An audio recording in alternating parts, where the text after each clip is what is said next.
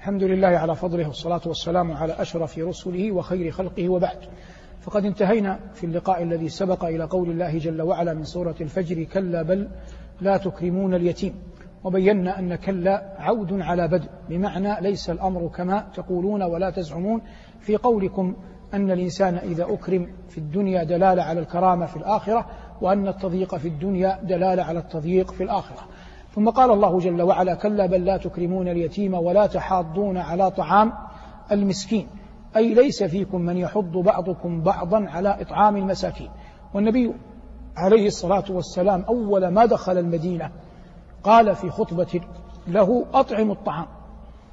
فإطعام المساكين قربة عظيمة لله جل وعلا. وقد يقول قائل إنه في زماننا هذا ربما استغنى الناس عن هذا كثيرا. وهذا في ظاهره حق لكن الإنسان إذا توخى بيوتا يعرفها وطرق بابها يريد أن يتقرب إلى الله بالإحسان إليها فإن الله يقول وقوله الحق أو إطعام في يوم ذي مسغبة يتيما ذا مقربة أو مسكينا ذا ذا متربة. قال جل وعلا ولا تحضون على طعام المسكين وتأكلون التراث أي الميراث أكلا لما أي شاملا. وتحبون المال حبا جما. أما الأصل أن الله فطر قلوب بني آدم على حب المال. ولهذا قال الله عن الأخيار عن خلقه ويطعمون الطعام على على حبه مسكينا ويتيما وأسيرا. فبين جل وعلا أنه أنهم يحبونه مع أنه جل وعلا يتحدث عن كرام خلقه. وتحبون المال حبا جما أي حبا زائدا يدعوكم إلى معصية الله. وهذه الأمة أكثر فتنتها في المال ثم في النساء. في المال ثم في ثم في النساء. فأما المال فالفتنة فيه أن يجمعه المرء من غير حله وأما النساء فالباب في هذا الحديث واسع وقد مر معنا وتأكلون التراث أكلا لما وتحبون المال حبا جما كلا تكرار للزجر. قال جل وعلا كلا إذا دكت الأرض دكا دكا. إذا لما يستقبل من الزمان. وإذ أيها المبارك لما قد لما قد مضى. وكلا من إذا وإذ أوعية زمنية. ظروف زمنية. كلا إذا دكت الأرض دكا دكا. هذا يوم يوم القيامة. لما تدك؟ لتستبدل ب بغيرها. قال الله يوم تبدل الأرض غير الأرض. ومن عظمة يوم القيامة أن الله يحشر الخلق على أرض لم يعصى عليها جل وعلا قط حتى تكون أهلا أن تضاء بنور الله. قال الله جل وعلا وأشرقت الأرض بنور ربها. فما دام الأرض التي نحن عليها دنست بمعاصي بني آدم فليست أهلا لهذا المقام. فلهذا قال الله جل وعلا كلا إذا دكت الأرض دكا دكا ذهبت بالكلية بدليل قوله في سورة إبراهيم يوم تبدل الأرض غير الأرض والسماوات. كلا إذا دكت الأرض دكا دكا وجاء ربك وتقف. مجيء يليق بجلاله وعظمته وكل ما خطر ببالك فالله غير ذلك. ليس كمثله شيء وهو السميع البصير. يجيء جل وعلا مجيئا يليق بجلاله وعظمته ليحكم بين خلقه ويفصل بين بين عباده. الله يقول ثم ردوا إلى الله مولاهم الحق ألا له الحكم وهو أسرع الحاسبين. وجاء ربك والملك هذه الواو واو حال. ومعنى الآية والملك صفا صفا أي حال الملائكة. يوم مجيء الله كيف يكونون؟ صفا صفا. ومر معنا أن أهل المحشر صف ماذا؟ صف واحد. لا يوجد في أهل المحشر أحد وراء أحد يحجبه. كل أهل المحشر صف واحد. أما الملائكة فقال عنهم ربهم صفا صفا. وقال ربنا يخبر عن مجيئه في آيات عدة. ويوم تشقق السماء بالغمام. ونزل الملائكة تنزيلا الملك يومئذ الحق للرحمن وكان يوما على الكافرين عسيرا. يسره الله علي وعليك. قال الله هنا وجاء ربك والملك صفا صفا. وجيء يومئذ أي يوم تدك تدك الأرض دكا دكا وتبدل. هذه النون تنوين التنوين تنوين عوض. وجيء يومئذ بجهنم هذا اسم من أسماء النار.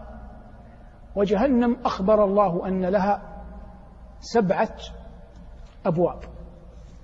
وتفرح عياذا بالله بمجيء أهلها إليها.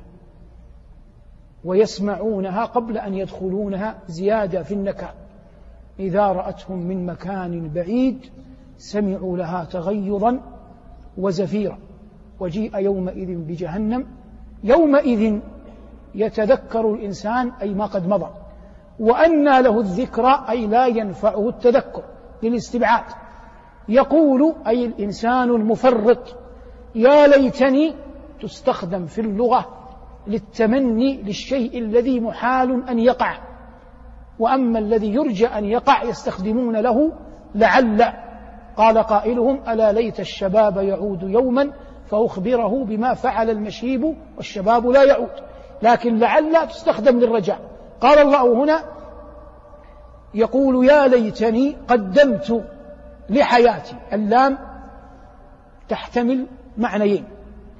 إما أن تكون لام توقيت ولام التوقيت جاءت في الإسراء. الله يقول أقم الصلاة لدلوك الشمس إلى غسق الليل أي من وقت دلوك الشمس إلى غسق الليل. وإما أن تكون للعلة يعني للمستقبل.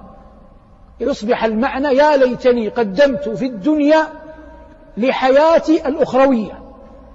هذا على المعنى الثاني. على المعنى الأول لام التوقيت يعني يا ليتني قدمت لحياتي أي حين حياتي عندما كنت حيا يا ليتني قدمت عملا صالحا ينفعني في حياتي. يا ليتني قدمت لحياتي فيومئذ يقول رب العزة لا يعذب عذابه أحد ولا يوثق وثاقه أحد وهذا معنى قول الله ولا تزر وازرة وزر أخرى يوم القيامة. وهذا مستفيض. إنما الحساب والتقاص بالحسنات والسيئات. موازين تنصب وكفة كفة ترجح وكفة ترجح. فيقول ابن مسعود أو غيره من السلف سحقا أو بعدا لمن غلبت آحاده عشراته. لأن الله جعل الحسنة بعشرة أمثالها ولم يجعل السيئة تضاعف وجزاء سيئة سيئة مثلها. الآن ينشد المؤمن ما الذي يثقل به الميزان؟ ما الذي يثقل به الميزان؟ جاء في الحديث الصحيح أن ما يثقل به الميزان حسن الخلق وهذا عام. فمن حسن الخلق حسن التعامل مع الله وعدم ظلم العباد. لكن في آخر اللقاء سننبه إن شاء الله إلى ما يثقل به الميزان. نكمل التفسير. قال الله جل وعلا فيومئذ لا يعذب لا يعذب عذابه أحد ولا يوثق وثاقه أحد. ثم قال الله يا أيتها النفس المطمئنة هذا نداء. تنادى به النفس المطمئنة على الأظهر حال الموت. ارجعي إلى ربك راضية مرضية. من خلقك؟ الله. من أطعمك؟ الله. أنت من عبدت؟ أيتها النفس عبدت الله. فارجعي إلى الذي أكرمك بأن تعبديه. راضية مرضية. هو راض عنك فأكسبك الرضا في قلبك. وهذا تناداه. كل نفس مؤمنة ختم الله لها بخير ووفقها في الدنيا لجليل الأعمال. وهو مطلب عظيم ومرتقى صعب. يا أيتها النفس المطمئنة ارجعي إلى ربك راضية مرضية. فادخلي في عبادي. معنى ادخلي في عبادي؟ الخلق الذين يموتون كفر. فهذا يموت في سلك الملحدين. وهذا يموت في زمرة اليهود وهذا في زمرة النصارى وهذا في زمرة الفساق. هناك فئة منذ آدم إلى قيام الساعة فئة اصطفاها الله جل وعلا. رزقها في الدنيا رزقها في قلوبها حبه. وأرشدها إلى طاعته وأعانها على طاعته. هؤلاء يحشرون مع بعضهم البعض ولهم زمرة تكتنفهم وإن تباعدت أزمنتهم. ولهذا نبيكم صلى الله عليه وسلم كما تعلمون كانت أم المؤمنين عائشة قد أسندته إلى بين صدرها ونحرها. وهو قبل أن تسنده كان يقول أين أنا غدا؟ أين أنا غدا؟ عرفوا أو عرفنا نساءه عرف نساءه أنه يريد بيت عائشة فمرض في بيت عائشة. وهو قبل أن يموت كان يقول لها دوما إن الأنبياء يخيرون عند الموت ما بين الخلد في الدنيا وما بين لقاء الله ثم الجنة. فجاء الملك إليه صلوات الله وسلامه عليه يخيره. فعائشة لا تسمع سؤال الملك ولا قوله تسمع ماذا؟ جواب النبي صلى الله عليه وسلم. فالملك يقول له دون أن تسمعه يخيره ما بين الخلد في الدنيا ثم الجنة وما بين لقاء الله ثم الجنة. قالت فسمعته يقول والآن هي أقرب الناس إليه جسدا. مسندته إلى صدرها ورحيها. مسندته إلى صدرها ونحرها قالت سمعته يقول مع الذين أنعمت عليهم. من النبيين والصديقين والشهداء والصالحين وحسن أولئك رفيقا. هؤلاء هم المقصودون بقول الله فادخلي في عبادي. أي أحد الآن؟ حتى نحن الآن نخرج من هذا المسجد المبارك كل مجموعة تذهب سويا بصرف النظر عما يجمعها. زمالة جاءوا في مركب واحد جيران يسكنون في بناية واحدة يذهب الناس زمر. وكذلك الأرواح إذا صعدت تذهب إلى الزمرة التي هي منها. والإنسان أدرى بنفسه. كيف؟ كيف يقضي نهاره؟ كيف يقضي ليله؟ والأهم هو أصلا قلبيا. يحب يحشر مع من؟ حتى إن لم يدركه بعمله أدركه. بنيته الله يقول ومن يطع الله والرسول فأولئك مع الذين أنعم الله عليهم من النبيين. والصديقين والشهداء والصالحين وحسن أولئك رفيقا.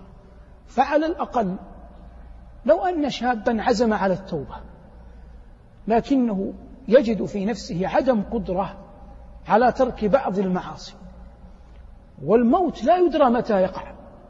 فعلى الأقل يبيت في قلبه بصدق أن يتوب إلى الله جل وعلا. فإن لم يلقى الله وقد تخلصت جوارحه من الذنوب فعلى الأقل تخلص قلبه من الران وأصبح مقبلا على الله. ولا بد أن يتبع الإيمان يتبع الإيمان العمل. قال الله جل وعلا فادخلي في عبادي. هؤلاء العباد الذين أثنى الله عليهم وقال لهذه النفس المطمئنة ادخلي في زمرتهم وكوني معهم. يأتي الجواب الآخر لسؤال متوقع مطروح بحسب لغة أهل العصر. أين مقرهم؟ أين مكانهم؟ أين مآلهم؟ قال الله فادخلي في عبادي وادخلي في جنتي. فتمرين على عبادي أولا ومعهم تدخلين جنتي. والجنة أدخلنا الله وإياكم. كتب الله لأهلها الخلود الأبدي فيها.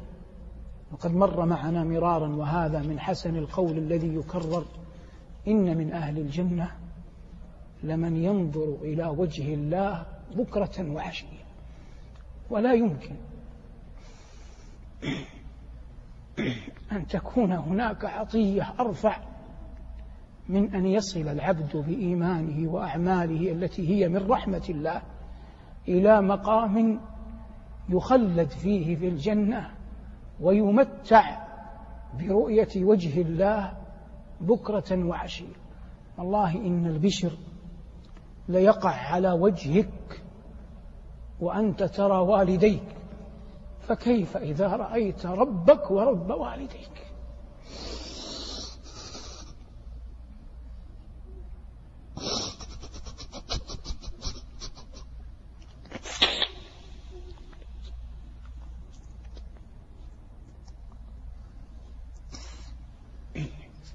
كلما دعاك الشيطان إلى أن تعصي الله فتذكر نعمة أن يجعلك الله ممن يمتع برؤيته. فإنك إذا تذكرت جلال الله جلال الله وعظمته وجماله وكماله اشتاقت اشتاق قلبك إلى هذه النعمة. وهذا والله أعظم. إذا وقر في القلب أعظم ما يحجم بالعبد عن المعاصي. قال الله عن أهل معصيته يبين نكاله لهم.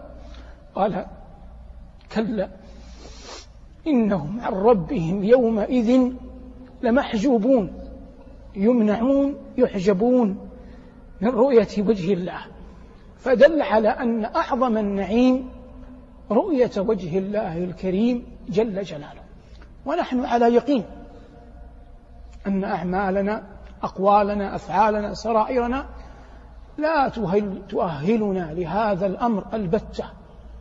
لكن كما نقول في هذا في هذه الدروس وغيرها المعول على رحمة الله وحسن الظن به جل وعلا. ختم الله لي وبكم بخير. وجعلنا الله وإياكم ممن يمتع برؤية وجهه الكريم في جنات النعيم. صلى الله على محمد وآله والحمد لله رب العالمين. لو أنزلنا هذا القرآن على جبل لرأيته خاشعا لرأيته خاشعا متصدعا من خشية الله. وتلك الأمثال نضربها للناس لعلهم يتفكرون.